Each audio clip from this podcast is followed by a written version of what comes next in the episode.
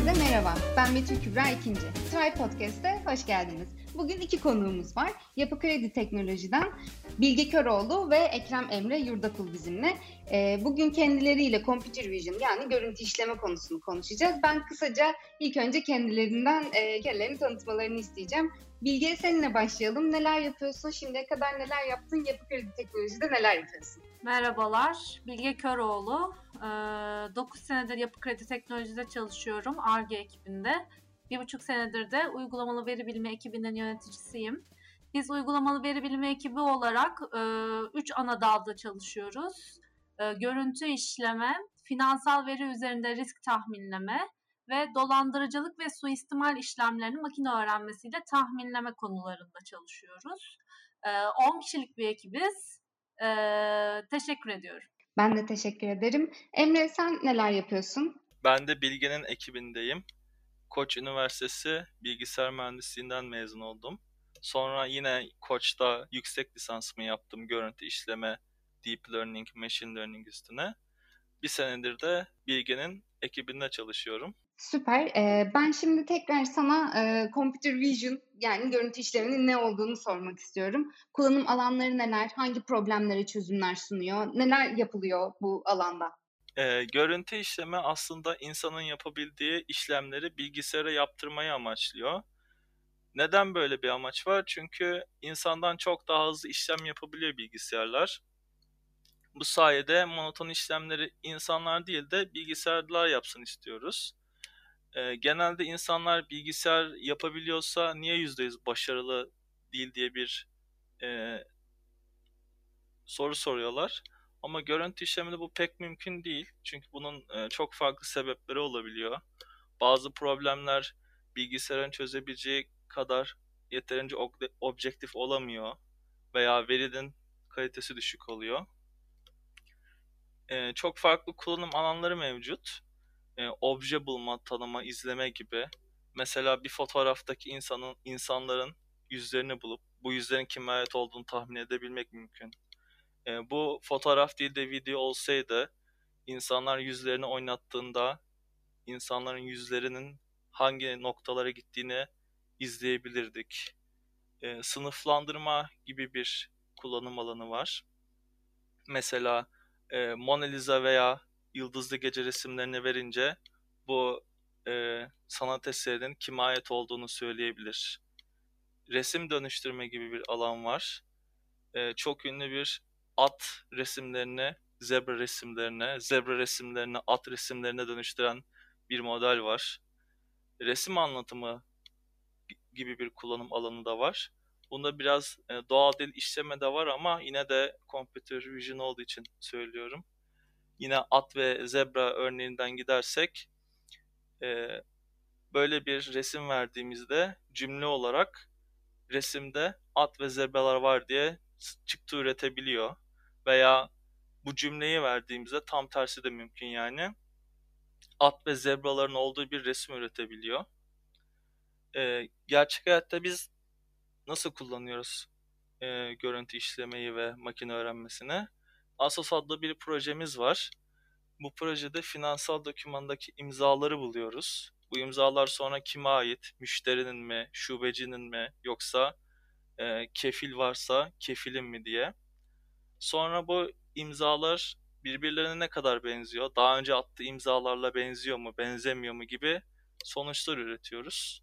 Çok teşekkürler. Yani e, aslında çok fazla kullanım alanı var ve geleceği de şekillendirecek teknolojiler. Yani bu işte resim anlatımı ya da e, resim dönüştürme muhtemelen önümüzdeki e, zamanlarda sosyal medyada çok önemli kullanım alanları da olacak. Belki işte dijital marketingi çok değiştirecek konular. E, ama ben biraz daha geriye dönüp biraz e, veri tarafını tekrar e, sormak istiyorum size. Yapay zeka teknolojileri deyince çünkü ilk akla gelen veri nasıl elde ediliyor, bu veri nasıl etiketleniyor ve nasıl kullanılıyor. O yüzden de e, yani özellikle de bankacılık ve finans alanında nasıl kullanılıyor, e, nasıl elde ediliyor bu soruyu da Bilge sana yönlendirmek istiyorum. E, elbette e, sosyal ve görsel medyadan takip ediyorsunuzdur, biliyorsunuzdur. Şu an e, özellikle Covid'in de etkisiyle müşterileri şubeye getirmeden ya da müşteriye kurye göndermeden e, onları e, müşteri kazanımı, yeni müşteri oluşturma ya da emirlerini gerçekleştirme gibi oturdukları yerden görüntülü görüşmelerle e, müşterilere servis vermek istiyoruz tüm bankalar olarak. E, eminim banka ile temasınız olmuştur. E, yazılı gönderdiğiniz işlem emirleri, imzaladığınız her doküman, kredi kullandıysanız kredi dokümanları aslında bizim e, veri olarak kaydettiğimiz ve üzerinde e, makine öğrenmesi teknikleri çalıştırabildiğimiz kaynaklar. Müşteri olurken e, verdiğiniz vesikalık fotoğrafınız ya da çektirdiğiniz vesikalık fotoğrafınız, yeni kimliklerden okunan kimlik içinde gömülü fotoğrafınız yine bizim e, bankacılıkta kullandığımız, görüntü işlemede kullanabildiğimiz tüm verileri oluşturuyor. Siz doküman bile e, vermiş olsanız bu dokümanların fiziksel hali arşivlerde saklandığı gibi dijital hali de resim olarak, imaj olarak e, bizim veri tabanlarımızda saklanıyor. Şimdi biz bunları e, makine öğrenmesi ekibi olarak nasıl kullanıyoruz? Biraz da ondan bahsedeyim. Şimdi temel bankacılık uygulamalarımız günlük işleyişte bu aldıkları dijital veriyi, bu görsel olabilir, akan veri olabilir, streaming olabilir. Dijital veriyi operasyonel veri tabanlarında saklıyor. Ama biz makine öğrenmesi ekibi olarak hem operasyonel veri tabanlarına yük oluşturmamak adına genelde veri ambarlarını kullanırız. Çünkü veri ambarları zaten raporlama, görselleştirme amacıyla zenginleştirilmiş veriyi içerir. Ee, biz veri ambarlarından e, verimizi genellikle çekeriz, çekmeyi tercih ederiz.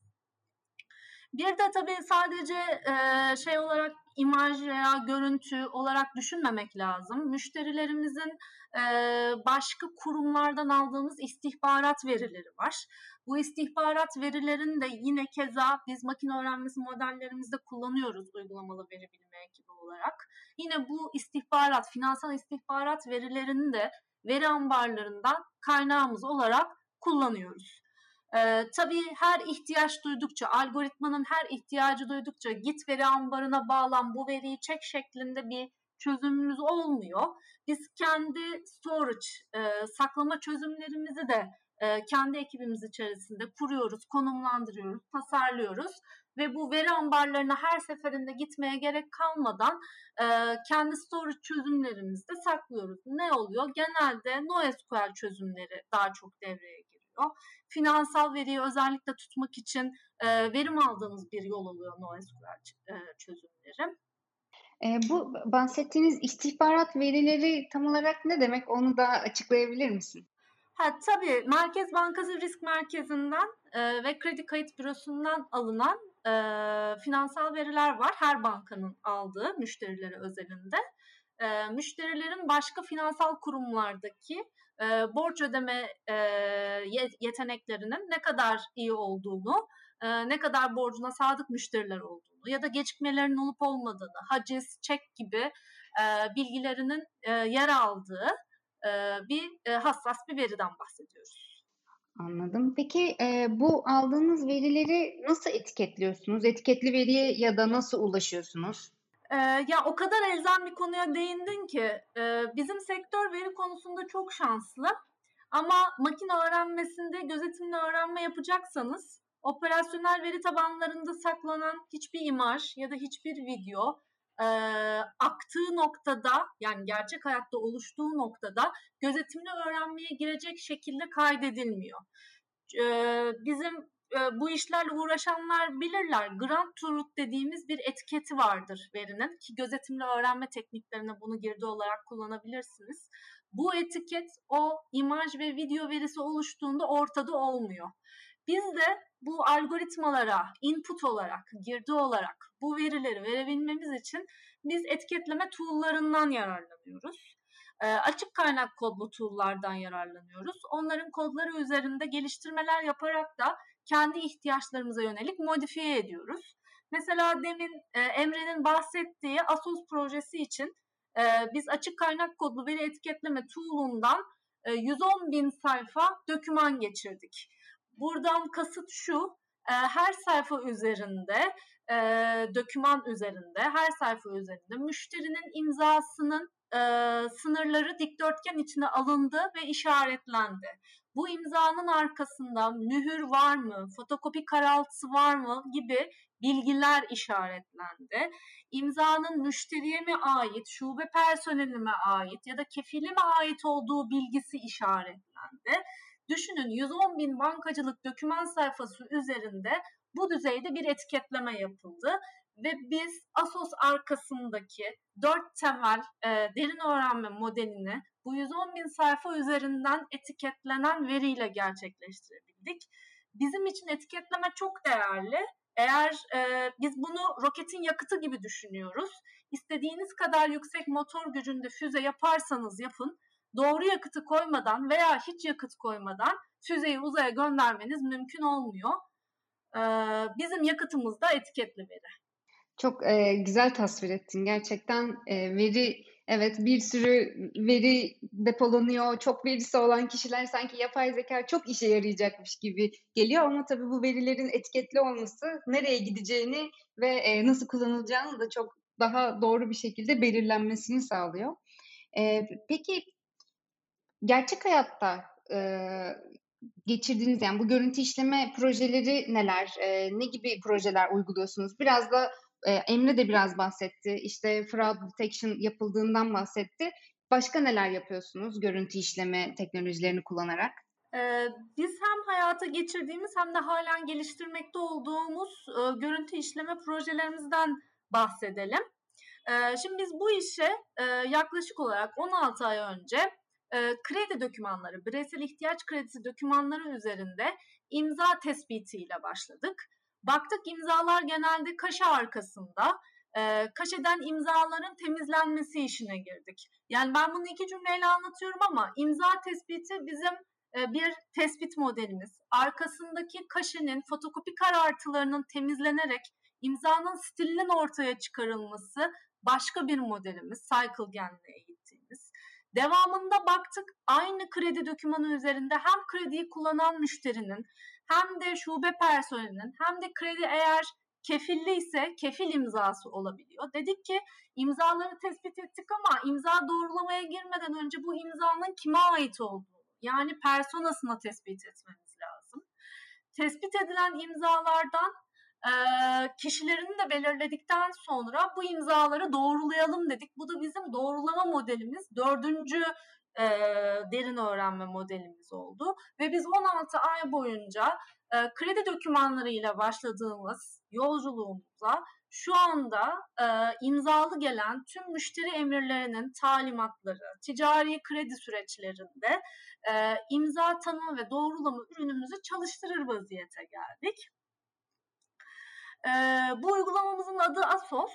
E, ASOS'taki başarım bize başka farklı computer vision projelerine getirdi. Ee, yine hepimiz e, ya duymuşuzdur ya e, görmüşüzdür. Bir nüshasını elden aldım, okudum, anladım gibi e, bankacılık dokümanları üzerinde elle yazılmış, el yazısıyla yazılmış ibareler var. Bu ibarelerin varlık yokluk kontrolü ve bu ibarelerin düzgün el yazısıyla yazılıp yazılmadığının kontrolü gibi yeni projeler bize gelmeye başladı e, ithalat, ihracat yapan müşterilerimizin gönderdikleri vesaik, mal mukabili gibi dokümanlar üzerinde uluslararası mühürlerin varlık yokluğu gibi kontroller gelmeye başladı. Aslında görsel objelerin dijital dokümanlar üzerinde varlık yokluk ve doğruluğu gibi farklı projeleri de e, bize e, ASOS e, getirdi. E, sizin çalışmalarınız daha çok e, bankacılık sektörüne odaklı. Başka sektörler için de çözümler üretiyor musunuz ya da e, bu projeleri farklı sektörlere de yönlendirebiliriz gibi bir fikriniz var mı? Evet özellikle yani imza tanıma ve doğrulama sadece bankacılıkta değil hukukta çok yaygınlıkla kullanılıyor. Yaptığımız piyasa araştırmalarında Çek Cumhuriyeti'nde bu işin imza doğrulama işinin hani bizde noterlerin yaptığı iş aslında. Çek Cumhuriyeti'nde imza doğrulama işinin hukuk bürolarına vakfedildiğini gördük. Biz bunu ürünleştirme çalışmalarımız da mevcut şu anda. Bunu e, şey Avrupa'da Avrupa piyasasına çıkarma planımız var. Aynı zamanda Türkiye Noterler Birliği gibi farklı kurumların da özellikle imza doğrulaması yapmak durumunda olan farklı kurumların da ihtiyaçlarına çözüm getirebileceğini düşünüyoruz. Çok e, güzel çünkü gerçekten e, çok farklı alanlarda da doğrulama bir de e, imza böyle normal yazıdan da farklı bir şekilde yazıldığı için çok daha zordur eminim oradaki e, o belirlemeleri yapmak, verileri oluşturmak. E, ben bir de şeyi merak ediyorum e, Emre bu soruyu sana yönelteceğim. E, genelde üniversitede böyle işte bu bilgiler gerçek hayatta işimize yarayacak mı? Bunları kullanacak mıyız gibi e, biraz daha zor derslerde özellikle hep böyle sorulur hocalara, hep böyle merak edilir. Makine öğrenmesi, derin öğrenme, matematik, lineer cebir bunlar e, çok daha bu konuların sanki kullanıldığı alanlar gibi geliyor. Ama pratik hayatta bu hesaplamalara ne kadar giriliyor, e, ne kadar derinlemesine bilmek gerekiyor, ne kadar öğrenmek gerekiyor? Operasyonların ne olduklarını, nasıl hesaplandıklarını, hangi amaçla kullanıldıklarını ve çıktığı nasıl etkileyebileceğini bilmek gerekiyor. Ama pratikte bu operasyonların çoğu kapalı kutu olarak çalışıyor. İnternetten bir tane model indirip çalıştırabilirsin. Ama o modelin niye çalıştığını anlayamazsın. Veya bir şeyi değiştirirsen onun sonuca nasıl etki edeceğini bilemezsin. Ee, ne zaman peki bunların hepsine hakim olmak gerekiyor? Kendi çözümünü geliştirmek istiyorsan veya kendi operasyonunu bunları bilmek şart. Çünkü çoğu makine öğrenmesi kütüphanesi açık kaynak kodlu. Buna kendin eklenti yazabiliyorsun. Katman yazabiliyorsun ve bu katmanı kendi modelin içine ekleyebiliyorsun. Ben elimle ama hiç matrix çarpmadım veya işte convolution hesaplamadım.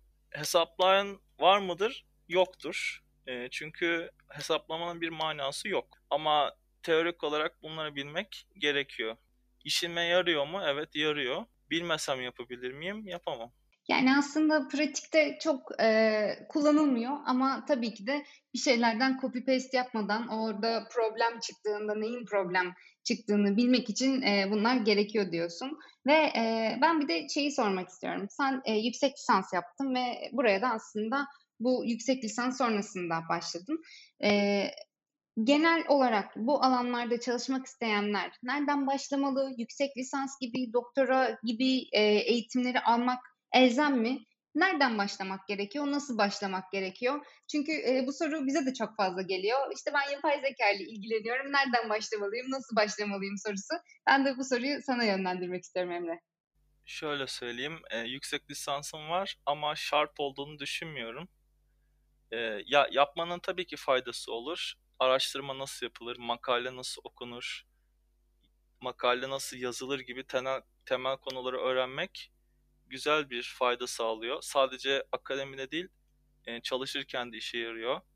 Tez yazarken mesela çok fazla makale incelemek gerekiyor referans vermek için veya e, literatür taraması yaparken kendi tez konumun hatta anlamın dışındaki makalelere denk geliyor, geliyordum çoğu sefer. E, bu sayede makine öğrenmesi genel kültürüm artıyor. E, bunun katkısı da şu şekilde oluyor. E, çözmem gereken problem tanıdık bir konu, konu hakkında olursa hangi metotla çözüleceğini bildiğim için giriş araştırması yapmama gerek kalmıyor. Sadece gerekirse performansı arttırmak için detay araştırması yapıyorum. Bilmediğim bir konu hakkında detaylı araştırma yaparken hangi makalenin işime yarayıp hangisinin yaramayacağına hızlıca karar verebiliyorum. 10 dakika veya 5 dakika içinde. Bu süre araştırma süresi kısalıyor tabii ki böylece ve daha kısa sürede e, çıktı üretmek mümkün oluyor.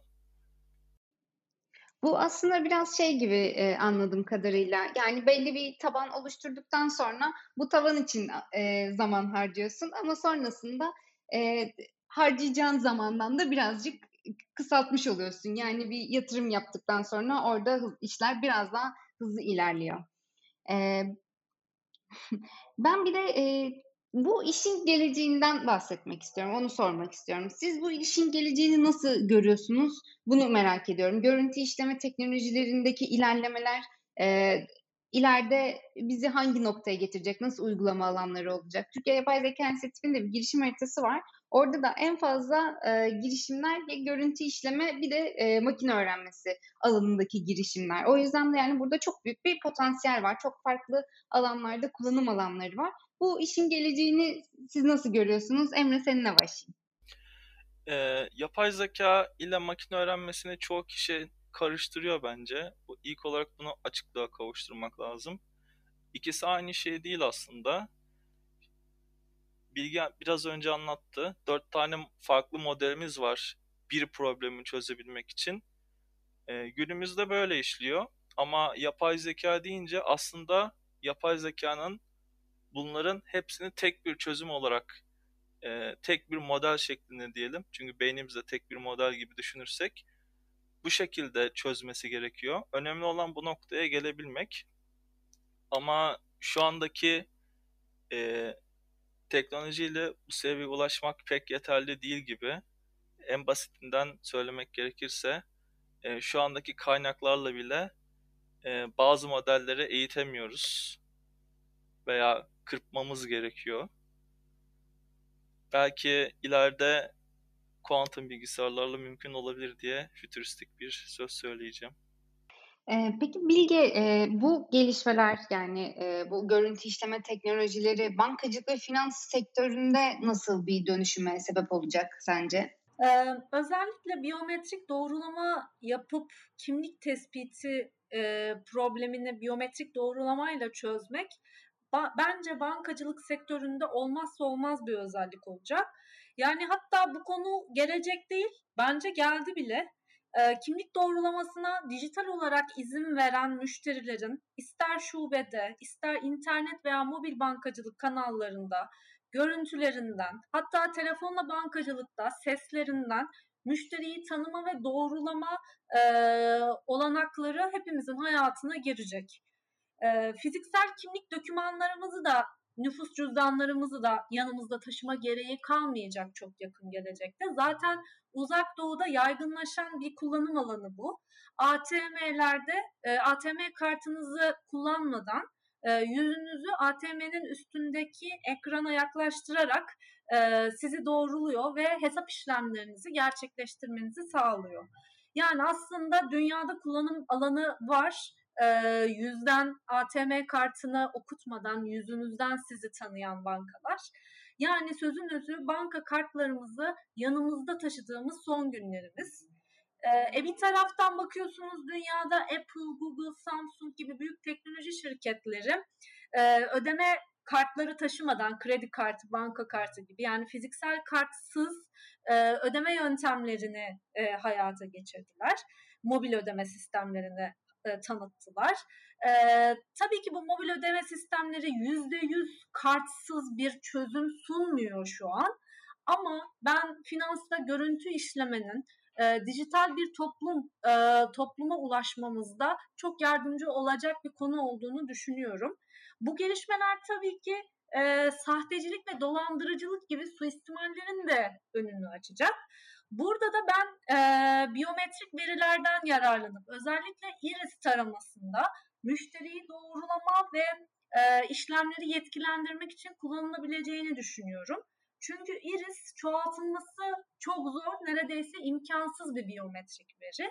Bu tip e, gizlilik endişelerinizi giderebilecek diye düşünüyorum özellikle bankacılık güven esasına dayanan bir e, sektör olduğu için iris taramalarının çoğaltılması zor olduğundan gizlilik endişelerini giderebilecek bir çözüm olduğunu düşünüyorum. Hatta bu ne kadar güven e, problemini ortadan kaldırırsanız e, yeni müşterileri çekmeye de yardımcı olabilen bir konu. E, biyometrik sistemlerin üzerinde de suistimallerin yine makine öğrenmesiyle çözen çok sayıda teknoloji şirketi de paralelde ortaya çıktı. Bu da bize aslında e, dijital veri, biyometrik veri ve görüntü işlemenin hayatımıza çok yakın gelecekte e, yani belki birkaç yıl içerisinde hayatımıza gireceğini gösteriyor. Yani e, bu teknolojiler gerçekten gelecekte değil. Hatta geçtiğimiz günlerde bununla ilgili bir e, yasa geçti sanırım. Siz benden çok daha iyi bilirsiniz. Biraz daha güvenlik konusunu da gündeme getirse de e, bu teknolojiler geliştirildikten sonra kullanılmaması gibi bir durum artık söz konusu değil. Zaten teknoloji geliştiği zaman e, nasıl korunacağı da bununla birlikte gelişiyor. Ben e, çok teşekkür ederim sizlere katkılarınız verdiğiniz bilgiler için. Son olarak e, eklemek istediğiniz bu konuyla ilgili çalışacak kişilere ya da bu konuyla ilgilenen kişilere vermek istediğiniz bir mesaj var mı?